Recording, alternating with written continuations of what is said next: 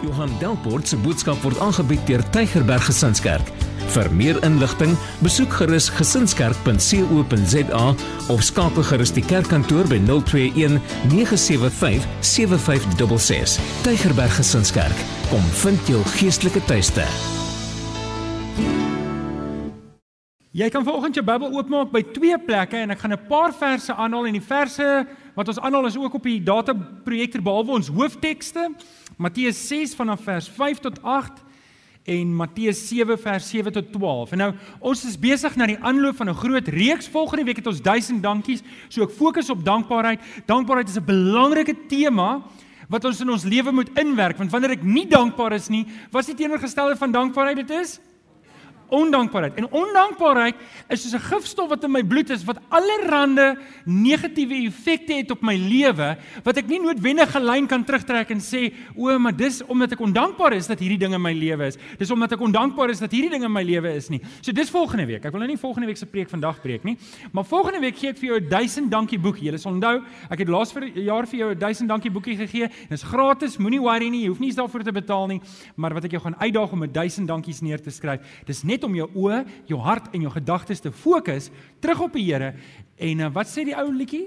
Tel jou seëninge, tel een vir een. Alraai, maar ek sal volgende week die tweede vers sing. Of nie, asseblief, moenie wegbly as gevolg van my gesingery nie. Bybel sê as jou broer struikel, dan moet jy dit liewer nie doen nie. So. Matteus 6 vers 5 tot 8 en dan blaai net om na Matteus 7 vers 7 tot 12. Ons het laas jaar het ons 'n eh, Alex was dit 7 of 8 weke reeks gedoen op Openbaring. En ehm um, dit was 'n belangrike reeks. Gebed is vir ons belangrik en vanoggend praat ek met julle oor gebed. In my hart wil ek baie graag hê ons moet 'n sterker gebedsgemeente bou. En um, Martin Luther het gesê to be a Christian without prayer is no more possible than to be alive without breathing. Ek dink is baie wonderlike gedagte. 'n Christen kan nie 'n Christen wees sonder om te bid nie. Net soos wat 'n mens nie 'n mens kan lewendig hou sonder om asem te haal nie. So ek wil vir jou kom aanmoedig om te bid en ek wil vanoggend 'n paar dinge met jou deel, 'n paar gedagtes rondom gebed.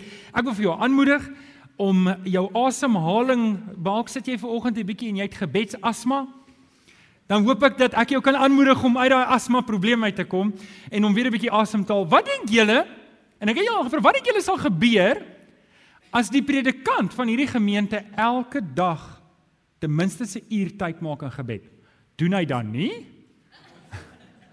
OK, wat dink julle sal gebeur as die predikant van hierdie gemeente elke dag sê, nou vat ek nie afsprake nie, ek vat nie oproepe nie.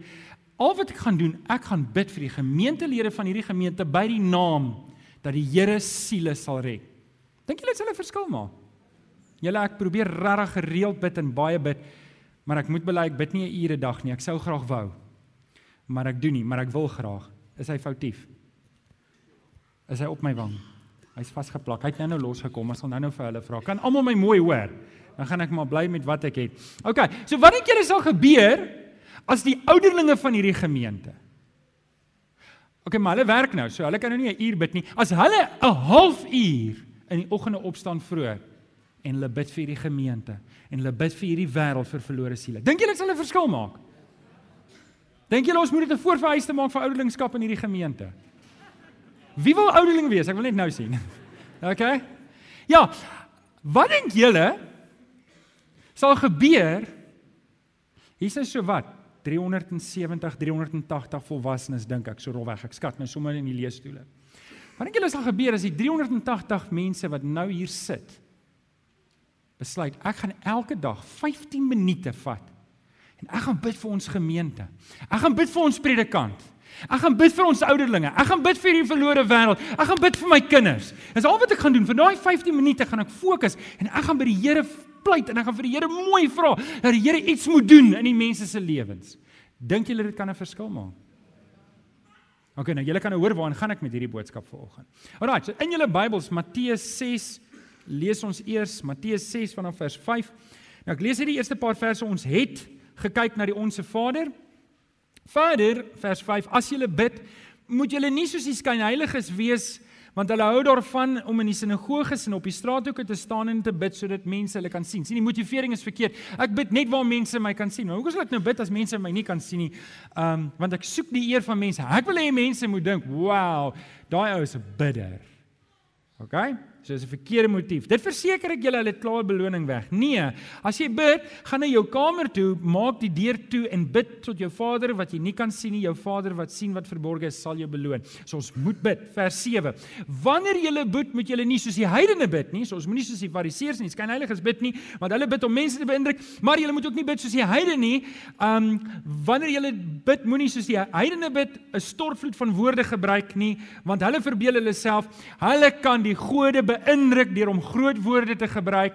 Hulle dink hulle kan God se arm draai deur om mooi gebede te bid. En ek wil sommer nou hier sê, my en jou gebed draai nie God se arm om te beweeg nie. My gebed maak my ontvanklik om God se wil te volg. Ek wil hê julle moet verstaan daar's 'n groot verskil tussen die twee. Want ek dink daar's 'n sterk beweging in die charismatiese kerke vandag wat hulle is uit om vir jou te sê luister, jy moet bid sodat jy God se arm kan draai en God is eintlik 'n vending masjien want as jy die 50 sent insit kom die pakkie chips uit. En dis nie hoe dit is nie. Dit moenie my gesindheid wees nie. Ek gebruik nie die regte woorde as ek hierdie woord vandag. Hierdie jaar is dit die woord waarna God luister. As jy hierdie woord bid, dan gaan jy nou goed kry. Dis presies wat die heidene gedoen het. Dis nie ons gesindheid nie. Wanneer ons gaan bid, soek ons God se teenwoordigheid op. Ons vat die woord van die Here saam in my gebedstyd en sê Here, kom help vir my want ek wil U tevrede stel en dit moet my gesindheid wees. Alraai, kom ons gaan na die volgende teks toe Matteus 7 vanaf vers 7 tot 12. Nou asseblief, dit beteken nie ons kan nie versoeke na die Here toe rig nie. Wat ek net daarmee probeer sê is ons moenie dink gebed is 'n manier om God se arm te draai nie. Nommer 2, teksgedeelte nommer 2, Matteus 7 vanaf vers 7. Hierdie is een van my gunsteling gedeeltes in die Bybel. Um wat sê vanaf vers 7, 7 vers 7, vra en vir julle sal gegee word. Soek en julle sal kry. Klop en vir julle sal oopgemaak word. Want elkeen wat vra ontvang en elkeen wat soek kry en elkeen wat klop sal voor oopgemaak word. Wie wie klop in hierdie verse? OK? Kan ek dit meer persoonlik maak? Sê saam met my ek. Ek gaan vra dan sê jy ek. So wie klop in hierdie gedeelte? Wie vra? Wie soek? OK? Wie maak oop? Wie gee? OK, so julle hoor hoe werk dit. Matteus skryf vir Jode en Jode het probeer om God se naam so min as moontlik te probeer want God se naam was te heilig. So hulle noem dit 'n goddelike passief wat eintlik impliseer wanneer jy Matteus lees en jy kry 'n passief, dan moet jy weet dit verwys 10 teen 1 na God. Hulle wil net nie God se naam gebruik nie. So hier presies dit is dieselfde van toepassing. Dis God wat oopmaak. Dis nie 'n universele reël hoe jy gaan klop aan al die deure. Ja, daar gaan deure oopgaan, maar dis nie noodwendig by die mense wat jy wil uitkom nie. Ek weet daar's 'n dalk moet ek julle geheim leer as jy huisbesoek doen, jy het nie mense se nommer nie.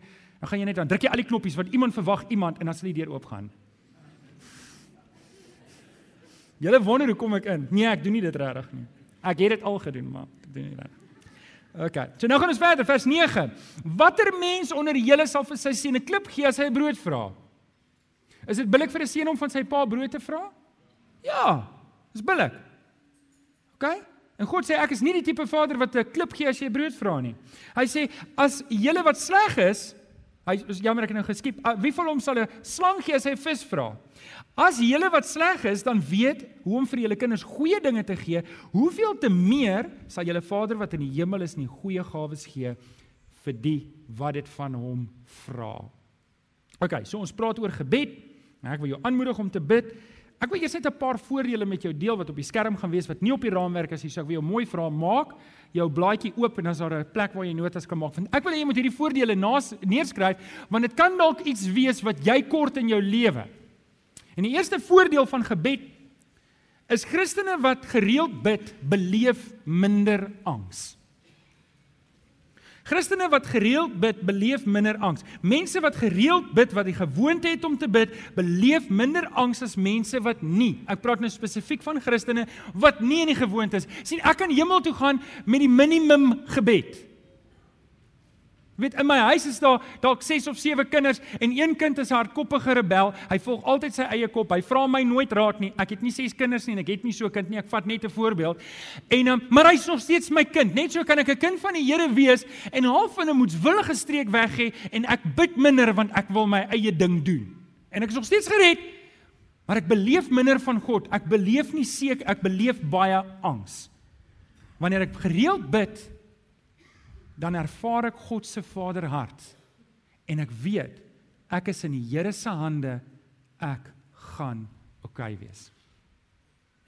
Hoor jy julle Spreuke sê dit dat dieselfde ek dink 'n prediker, dieselfde lot tref die gelowige en die ongelowige. Met ander woorde, luister, ek kan ook siek raak, ek kan ook in 'n motorongeluk kom. Maar ek het vrede in die Here. Waar iemand wat nie baie bid nie, Hy moet die hele tyd koes in sy lewe. Voordeel nommer 2. Iemand wat gereeld bid, vergewe makliker. Sukkel jy ver oggend dalk met vergifnisgesindheid in jou lewe, dan kan dit dalk wees dalk omdat jy te min bid. Mense wat gereeld bid, Christene wat gereeld bid, wat die gewoonte het om te bid, vergewe makliker. Weet julle hoekom?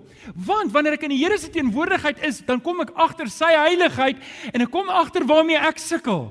En ek kom in 1 Johannes 1 vers 9, ek gaan na die Here toe en ek sê Here, ek is jammer vir die dinge waarmee ek sukkel. Ek is jammer ek het weer opgemors. En weet julle, dis nie 'n veroordelende jammer nie, dis 'n vrymakende jammer.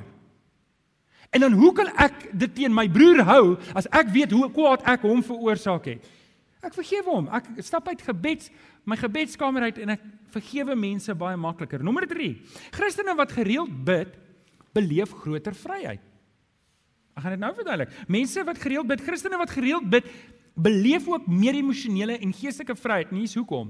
Want hulle dra nie al die ou bagasie saam nie. Ons het laasweek daar gepraat. Goed wat in 1980 gebeur het, kan ek afskryf voor die Here. Paulus sê ek maak my los wat agter is en ek strek my uit na wat voor is. In gebed is dit wat die woord van die Here vir my lewendig word.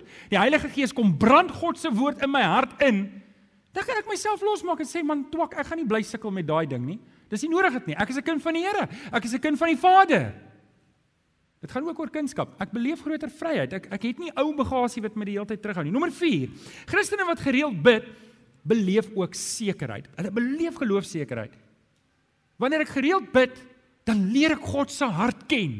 En wanneer ek God se hart beter leer ken, sien wanneer ek wanneer ek die woord van die Here bestudeer sonder om te bid, dan word hierdie 'n akademiese oefening. Ek moet die woord van die Here. Wanneer ek net bid en ek kom nie in die woord van die Here nie, dan word ek wat hulle in Engels noem 'n free spirit.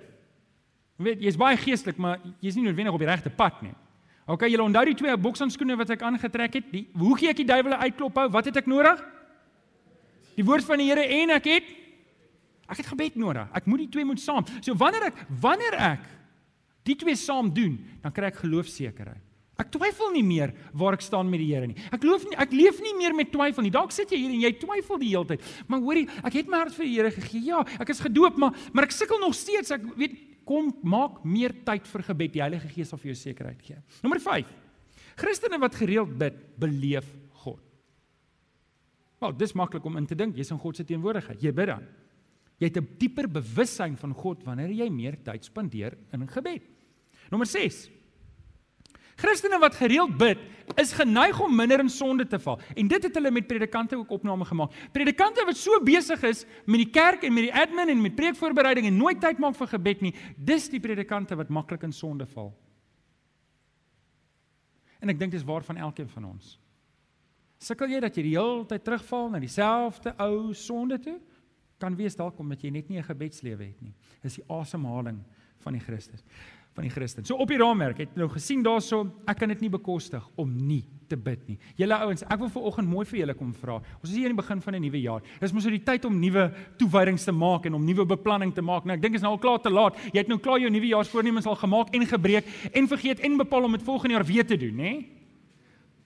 Nou moet jy eers dink wat het hy nou gesê? okay. So ek kan dit nie bekostig om nie te bid nie. En julle, ek wil jou mooi vra vanoggend asseblief ouens, wil julle nie saam met my 'n toewyding maak om te sê ons moet 'n biddende gemeente word? Want dis waar ons krag is. Julle ons het die ons het die afgelope 9 jaar het ons 'n gemeente gebou wat vas staan op die woord van die Here. Ons doen dit onbeskaam. Dit is my Bybel. Ek is wat dit sê ek is. Ek het wat dit sê ek het. Ek kan doen wat dit sê ek kan doen. Ek bely dit met my mond, ek glo dit met my hart. Die Here Jesus is God. Amen. Ons sê dit gereeld vir mekaar. Ek staan vas op die woord. Maar ek wil hê ons moet meer tyd ook fokus op gebed. Ek gaan nou-nou meer daarvan praat. Op die raamwerk. Ek het vier belangrike sleutel gedagtes daar wat ek met jou wil deel. En dalk weet jy dit reeds, dalk doen jy dit reeds. Dalk is hierdie net 'n verfrisser, dalk is hierdie net 'n herinnering, maar dalk sit jy hier en jy het nie 'n 'n gebedslewe wat jy gereeld doen nie. Dan wil ek jou volgende uitdaag om dit te oorweeg en om te sê, kom ons begin hierdie pad stap. So, Jeremia Jakobus 5 vers 16 ken julle baie goed. Die gebed van 'n gelowige. Jy ken julle die vers. Die gebed van 'n gelowige het 'n OK, sê julle dit saam sê dit gaan sê het 'n kragtige uitwerking. OK, so die gebed van 'n gelowige het 'n OK, so julle het hom. As jy hom nie het nie skryf nie. Ek dink dit is op jou raamwerk, nê. Nee. Vier belangrike gedagtes rondom gebed. Nommer 1. Nommer 1 op jou raamwerk. Bid vir God se wil. Ons begin daar. Bid vir God se wil. En Johannes, en Johannes 5 vers 14. Dis vir my so mooi vers. En dit sê dit so goed. En nou kan ons met vrymoedigheid na God toe gaan. Ek wil net hê as jy 'n plek het en jy is in jou Bybel en jy wil dit onderstreep, onderstreep die woord vrymoedigheid. Die Here wil hê jy moet kom. Dalk sit jy hierso en daar's sonde in jou lewe. Dalk sit jy ver oggend hier en jy sê soos baie baie baie baie Christene in my kantoor vir my al gesê het, ek is nog nie daar nie. Het jy al daai woorde gebruik? Ek is nog nie daar nie. Ek is nog nie daar nie, ek kan nie 'n seller word nie. Nee, ek is nog nie daar nie, ek kan nog nie vir die Here begin werk nie. En dalk sit jy ver oggend die en dis jou verskoning. Ek wil jou uitdaag met hierdie woorde wat sê die Here sê ver oggend vir jou, jy het vrymoedigheid om te kom na die Here toe. Sê vir die ou langs aan, jy kan maar kom, jy het vrymoedigheid.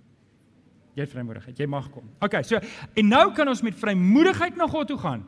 Omdat hy ons gebede verhoor as ons enige iets volgens sy wil vra. Dit is vir my so 'n mooi vers. Snaaks dat hierdie versie so baie aangawe nie. As jy enigiets vra volgens God se wil, gaan hy dit verhoor. Nou oké. Okay. Ek wil jou vanoggend net vra om net 'n bietjie anders te dink. Want sien, ek kry die idee baie kinders van die Here, baie Christene, baie diep gelowiges dink God se wil, uh, God se wil is iets waar ek in passief gedwing word om betrokke te wees.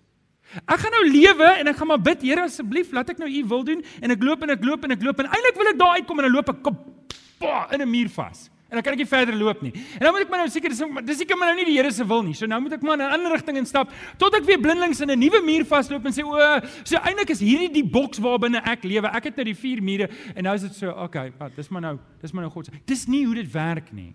En ek, en ek wil ek wil jou wys want as jy hierdie vers so verstaan, dan dink ek jy verstaan dit verkeerd. Julle ek gaan nou vir julle onderafdelings gee van die onderafdeling. Is dit? Okay? So julle moet nou kop hou. Moet nou nie de mekaar raak nie. Ons is nog steeds net by punt 1. Okay, so nou kyk ek vir jou onderafdelings. Skryf dit iewers as jy nog plek het. Ek doen dit nie gewoonlik nie en die homiletiek um dosent het gesê ons mag dit nie doen nie. So ek doen dit nou vir oggend. Julle moet my nou vergewe. Is dit okay met julle? Alraai. So ek wil jou mooi vra om anders te dink. Dink so daaroor. Nommer 1, maak iewers 'n aan my 'n aantekeningkie en sê wanneer ek God se wil bid, hier's die ding wat jy moet skryf. Dan beteken dit ek onderwerp myself aan wat God wil hê vir my lewe. Dis nie 'n passiewe ding om te sê kom ons kyk maar waar kom ek uit nie. Hierdie is 'n aktiewe ding om te sê, Here, wat is u wil vir my lewe?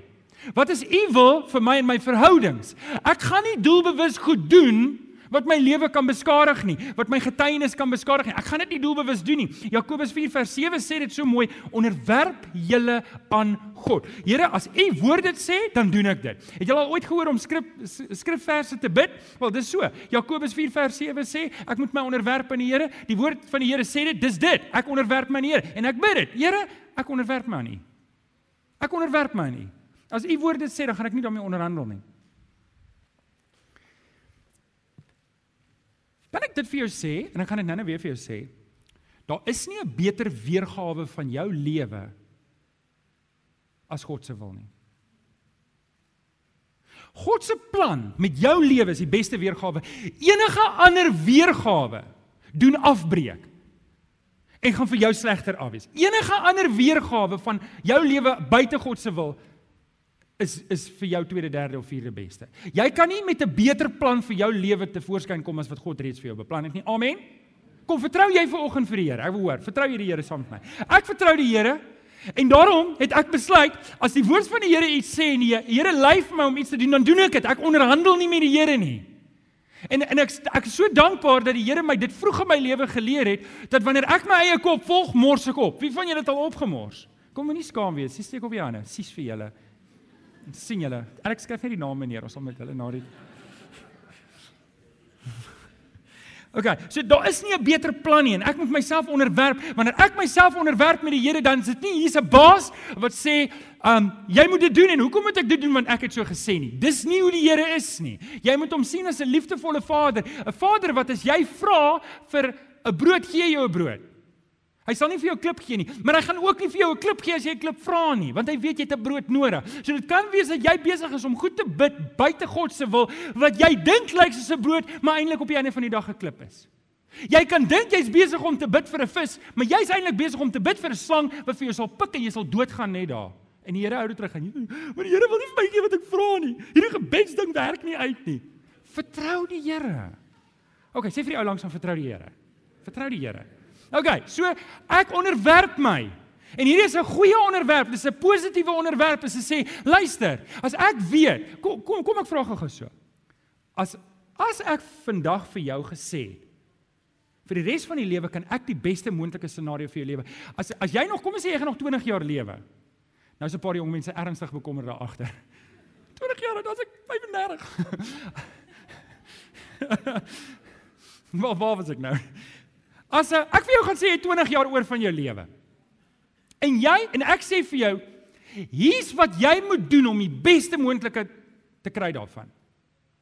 Sou jy dit gedoen het?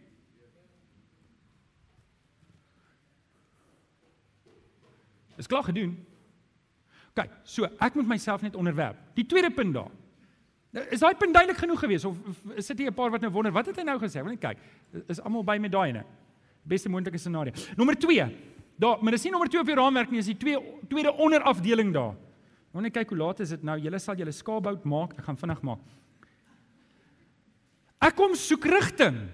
So, ek onderwerp my aan wat die Bybel sê. So wat die Bybel sê is, die Bybel sê vir my wat ek nou moet doen. Maar ek kom soek ook rigting by die Here. Spreuke 3 vers 6 sê ken hom in alles wat jy doen.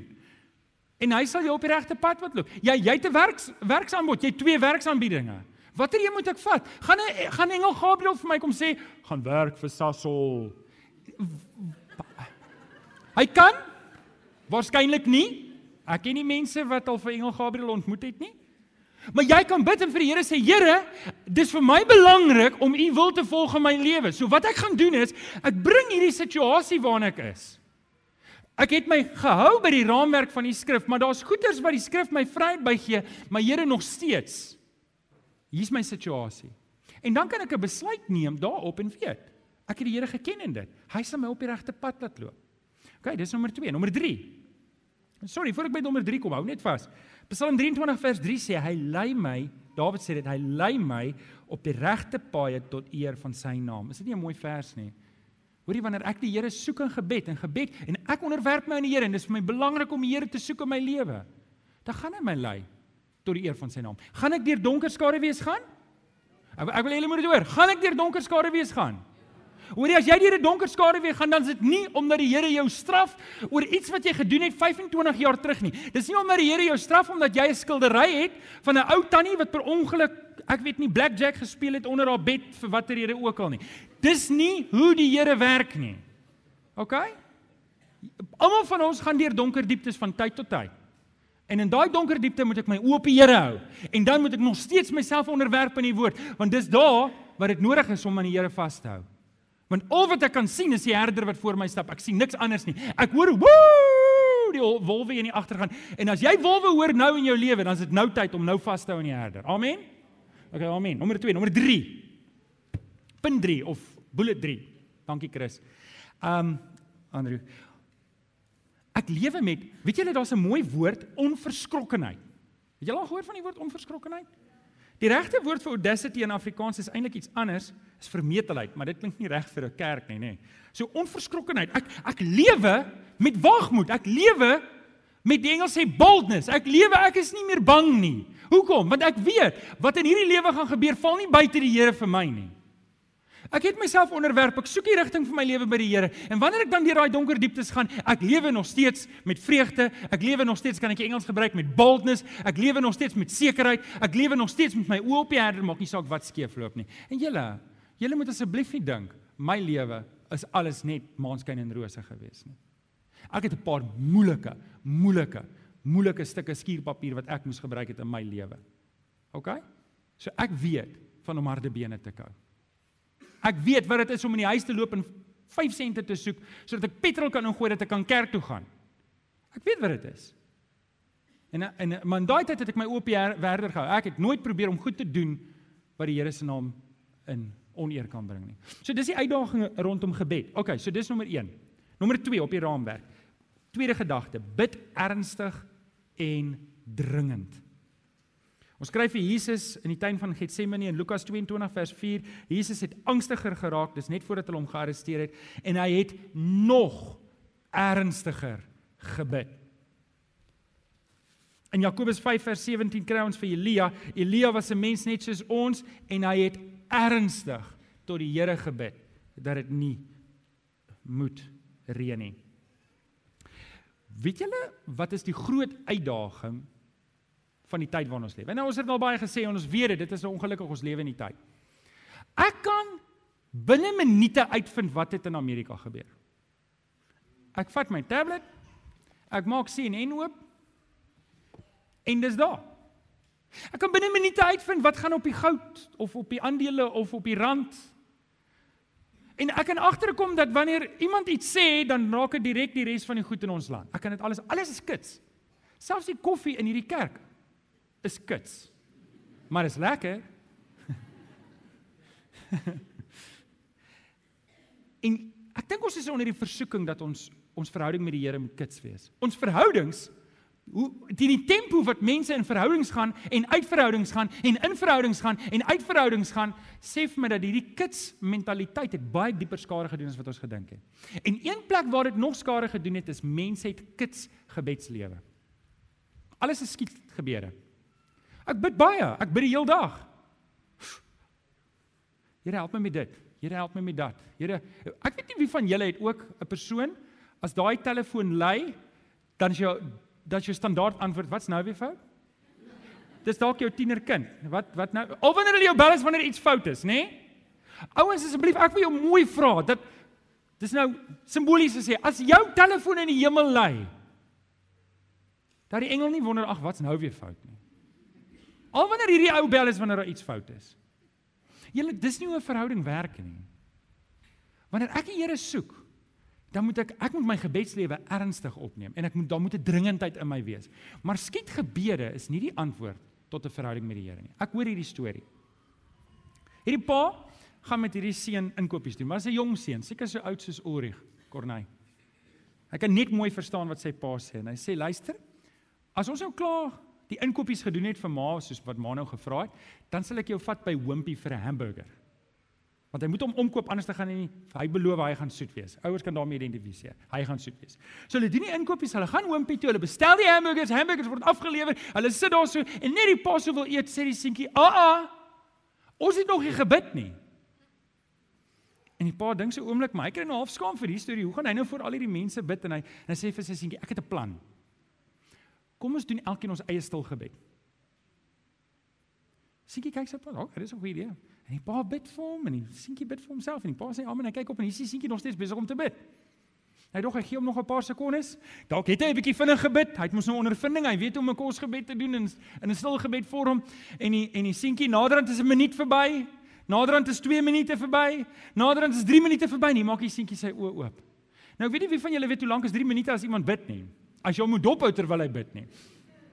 En die paas heel verstom met die seentjie, hy sê: "Wat op aarde het jy gebid?" Seentjie kyk sy pa so en sê: "Hoe moet ek weet? Dit was 'n stil gebed."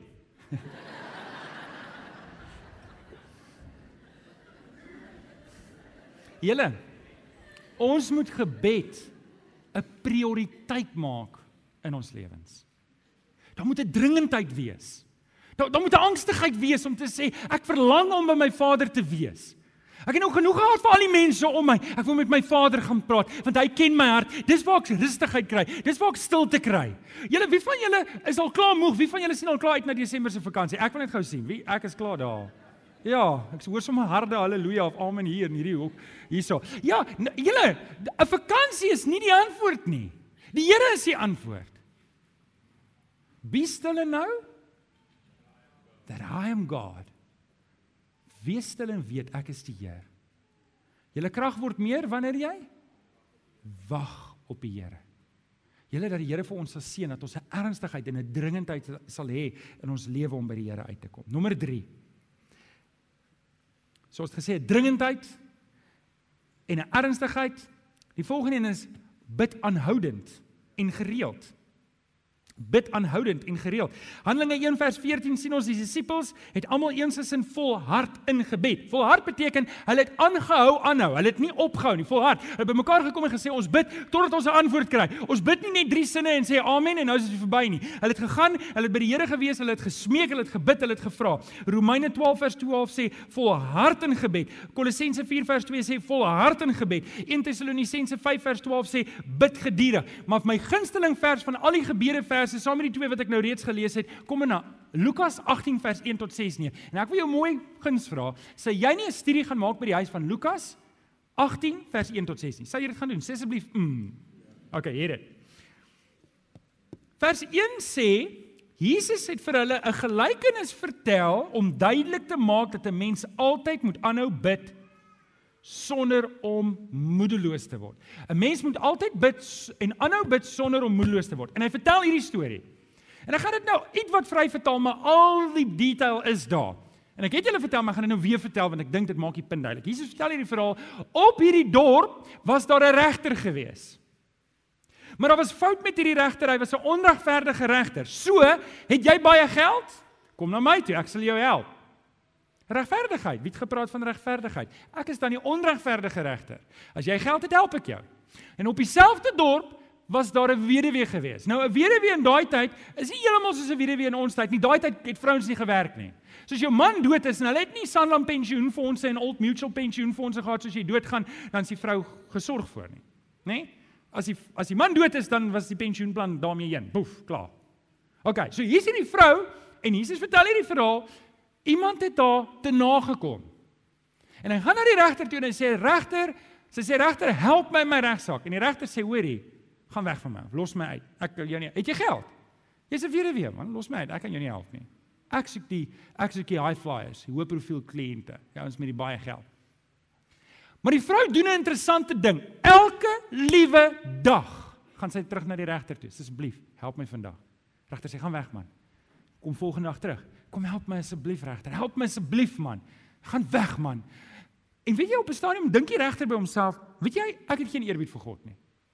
Weet so hierdie hier is nie 'n geestelike ding nie. En sê en vir mense het ek geen agting nie. Maar hierdie vrou maak my moeg. En ek het die idee sy's aggressief, ek sê gaan my nog kom klap ook. Daai woord klap staan net daar in jou Bybel, hoor. Ja, ek was ook verras. En, en sê ek gaan vir die vrou haar regsaak gee dat hy, dat ek net kan ontslaa raak van haar. Nou weet julle van al die moontlike stories wat Jesus vertel, vertel hy die storie. How one bit. Okay, die res van die gedagte sê die Here is nie soos die onregverdige regter nie. Hy sal vinnig antwoord gee. Maar die punt wat hier gemaak word is moenie ophou bid nie. Volhard in gebed. Maar ek het al daaroor gebid. How one. Hou aan, is daar 'n ding wat swaar lê op jou hart? Hou aan bid. Moenie ophou bid nie. Nou, nou ons praat nou van 'n dieper verhouding. Ons praat nie van gebede van bid elke dag dat jy die lotto gaan wen nie. Sodat jy 'n nuwe Ferrari kan koop nie. Dis nie waarvan ons nou praat nie. Ons praat hier van 'n verhouding met die Here om die Here regtig regtig te soek. OK, vierde gedagte en daarmee gaan ek afsluit. In Efesiërs 6 vers 18 gebruik Paulus 'n interessante terminologie wat nie eintlik baie in die Bybel voorkom nie wat hy sê, hy praat oor die geestelike wapenrusting en oor die geestelike oorlogvoering. Hy praat van die van die gordel. Ons gaan 'n reeks daaroor doen. Hy praat van die um helm van verlossing. Hy praat van die skild van geloof, die swaard van die gees, die voete, skoene van bereidwilligheid om die evangelie te verkondig. En dan sê hy aan die einde in vers 18 sê hy, doen dit alles bidtend en smeek God by elke geleentheid deur die gees. Nou wil 'n paar sekondes stil staan op daai so. Nommer 4 is bid altyd deur die gees. Johannes 16 vers 13 staan daar: Wanneer hy kom, dis die Gees van die waarheid, sal hy julle in die waarheid lei. Judas 20 staan daar ook: Ons moet altyd bid in die krag van die Gees. Ek moet weet dat wanneer ek bid, is dit nie net ek wat bid nie. sien op 'n ander plek staan daar dat wanneer ons bid, ons weet nie altyd hoe ons moet bid nie. Het julle al so gevoel? Maar die Gees staan ons by in ons swakheid. En wat hy doen is hy maak as te ware ons gebed reg by God. En wanneer ek bid, dan moet ek bewus wees dat die Heilige Gees bid saam met my. Dis hy wat my gebed as te ware na die Vader toe vat. Nou ek bid net tot die Vader. Julle ons het nie nodig om tot die Heilige Gees te bid. Nou bid ek na die Vader, nou bid ek na die Seun en nou bid ek na die Heilige Gees nie. Weet julle, ons bid in die naam van Jesus deur die krag van die Heilige Gees. Ons bid altyd tot die Vader. Die enigste voorbeeld wat ons het in die hele Bybel is ons bid net tot die Vader. So as jy ooit gewonder het hoe 'n mens bid, as jy net bid tot die Vader, dan bid jy net tot die Vader. En as jy tot die Heilige Gees bid, dis nie asof die Here nou sê ek gaan nie daai gebed hoor nie want jy bid nou verkeerd nie. Ek dink jy kan maar nou bid tot die Heilige Gees, maar die Bybel gee ons vir ons net een voorbeeld en ons bid tot die Vader. Maar ek wil hê want wanneer jy bid, moet jy weet die Heilige Gees is daar by jou. En dis hy wat in my hart werk. Dis hy wat in jou hart werk om God se wil te soek. Dis dis die Heilige Gees wat God se woord in ons harte openbaar. En wanneer ons daai openbaring het, dan weet ek hoe om te bid. Ek dis God se Gees, want as nie vir God se Gees was, ek kon ek die woord van die Here nie verstaan nie. En wanneer ek dit verstaan, dan dan bid ek. Ek weet om te bid. Ek weet om na die Here toe te gaan. En daarom moet ek altyd bid as te ware onder leiding in die invloed van die Heilige Gees. Ek moet die Here soek. Ek moet toelaat dat die Heilige Gees my ook lei in my persoonlike gebedstyd. Nou, ek gaan hier afsluit. Ek wil jou mooi vra. Julle ouens. Ons het 'n groot werk al buitekant. Ons kan dit nie doen sonder gebed nie. Paulus praat van die wapenrusting en hy beskryf die hele wapenrusting en hy sê: "Wag, wag, wag, wag. Doen alles bidtend." Wil julle nie saam met my maak dat ons 'n biddende gemeente bou nie? Ek wil jou mooi vra. Ouens, kan ek jou vra? Ek wil jou 'n persoonlike versoek vra. Kan ek jou vanoggend vra, sal jy vir my bid? Sal jy vir my bid? Sal jy vir my bid dat ek wysheid sal hê wanneer ek met die mense werk? Sal jy vir my bid dat wanneer ek die woord van die Here bring, dat ek dit suiwer sal bring? Ek wil julle vra maar nie net vir my bid nie. Wil julle nie net saam met my en die ouderlinge ook bid nie? Wil julle nie ook bid dat wanneer Alex preek dat wanneer hy sy mond oopmaak dat die woord van die Here sal uitkom en dat mense se harte sal verander nie? Ek wil jou mooi vra, kom bid ouens. Kom ons word 'n bidgemeente. Kom ons word 'n gemeente wat sê, ek gaan nie 'n klomp skietgebede opstuur en dat as die telefoon in die hemel lui dat sê o, dit is alweer hy, hy het nou alweer probleme nie, maar dat ek 'n werklike diep verhouding deur gebed met die Here sal bou. Ouens, ek vra julle vanoggend mooi, kom ons word 'n biddende gemeente. Ek glo in die krag van gebed. Ek glo dat wanneer ons bid, lei die Here ons. Ek glo dat ek is nader aan die Here. Ek stap makliker die pad van die Here wanneer ek 'n biddende lewe lei. En dit kan wees dat jy dalk ver oggend hier sit en sê Johan, ek bid bitter min.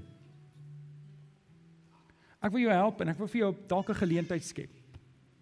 Dalk dalk wil jy saam bid. Ons het elke oggend 8:00 daar agter in die personeelkamer kom ons bymekaar en ons bid saam. Wil jy nie oorweeg om saam te kom bid nie? Dis vroeg, maar Dis 'n geleentheid. Kom bid saam met ons. 8uur, 8uur tot 8:30, kwart voor 9 bid ons daar saam. Ek wil jou nog 'n geleentheid gee. Dalk het jy gebedsversoeke. Daar's 'n gebedsboksie agter op die op die tafel. En as jy hierdie raamwerk vat en jy het 'n gebedsversoek en jy skeer hom af, jy vul jou gebedsversoek en jy sit hom in daai boksie, dan kom dit by ons gebedskoördineerder by om Johan uit. En en daar sal vir julle gebid word. Maar ek wil ek wil jou vra dat jy nie net sal vra dat daar saam met jou gebid sal word nie maar dat jy ook 'n bidder sal word. Almal kan bid, almal behoort te bid. Dis die asemhaling van die Christen. Ek wil vir jou vanoggend 'n geleentheid gee om te reageer. Ons gaan hierdie jaar 2 halfnagte van gebed hou. Een vir die mans. Ek dink die tweede week in Maart, die tweede Vrydag. En ons gaan een vir die vrouens ook hou. Dames, is julle in vir 'n halfnag van gebed? OK. Dit help nie net ons praat nie, ons moet doen, né? Nee? Ons moet aksie neem. Kyk, kom word deel. Dalk weet jy nie om te bid nie. Want dan maak dit hierdie jaar jou doelwit om te leer om te bid. Want gebed is belangrik genoeg dat 'n ou moet weet hoe om dit te doen. Amen. Ek wil vir jou bid. Kom ons bid saam. Vader, ag Here, wil U nie in ons harte werk om 'n biddende gemeente te word nie. Wil U nie in hierdie oggend in ons harte kom werk deur die Heilige Gees en deur die woord ons kom oortuig dat ek nie biddeloos sal lewe nie. Here, U weet wie sit hier so ver oggend en sê maar ek lewe nie, ek het nie 'n gebedslewe nie. Ek ek het maar ek wil ver oggend. Ek wil ver oggend 'n toewyding maak om te sê ek wil 'n bidder word. En vanoggend wil ek vir jou 'n geleentheid gee. As jy hier sit en sê maar ek wil 'n bidder word. Ek is dalk nie 'n bidder nie, dalk is jy, dalk was jy. Maar sê ek wil ek wil 'n bidder word. Dan wil ek jou geleentheid gee. Sê kan, daar waar jy is, staan op en sê Here, ek wil 'n bidder word. Ek wil 'n bidder word wat vir mense bid. Ek wil 'n bidder word wat nie net in noodgevalle bid nie. Ek wil 'n bidder word wat sê Here, gebruik my waar ek is. Ek wil 'n bidder word dat as ek iewers buitekant in hierdie wêreld is, dat ek bewus sal wees van die Here se teenwoordigheid, dat die Here iets in en deur my lewe wil doen. As as jy, dankie vir die ouens wat staan. As jy vanoggend dit is, wil jy jy moenie ver, verplig voel nie, maar weet hier is 'n kans vir jou om om 'n toewyding te maak om te sê Here, ek wil dit doen. Dit help om dit help om daai toewyding. Dankie vir julle ouens wat opstaan, hè. Ek ek hou julle dop van die bo af. En, en ek ek ek wil julle opvat op julle aanbod om te sê kom ons word biddens. Kom ons word bidders. Kom ons kom ons bid en ons vra die Here. Is daar nog iemand wat wil opstaan voor ek vir voor ek 'n finale gebed doen? Bid in jou hart saam met my hierdie gebed. Here, ek wil 'n bidder word. Ek wil 'n lewe leef naby aan U en dit is nie moontlik as ek nie gereeld bid nie. Ek sien dat in die wapenrusting word gebed amper die prominentste genoem. Kom leer my bid, Here. Want dis waar ons krag lê. Dis waar ons oorwinning lê. Ons dankie Here en ons bid dit in Jesus naam. En die kinders van die Here sê Amen. Kom ons staan. Kom ons staan. Baie dankie dat jy na hierdie boodskap geluister het. Ons glo dat elke gelowige binne die konteks van 'n gemeente behoort te groei. Indien jy nog nie by 'n gemeente ingeskakel is nie, kom besoek ons gerus hierdie Sondag by Laerskool Jean Louw se skoolsaal, Tulipstraat, Amanda Glen, Durbanville. Tygerberg Gesinskerk. Kom vind jou geestelike tuiste.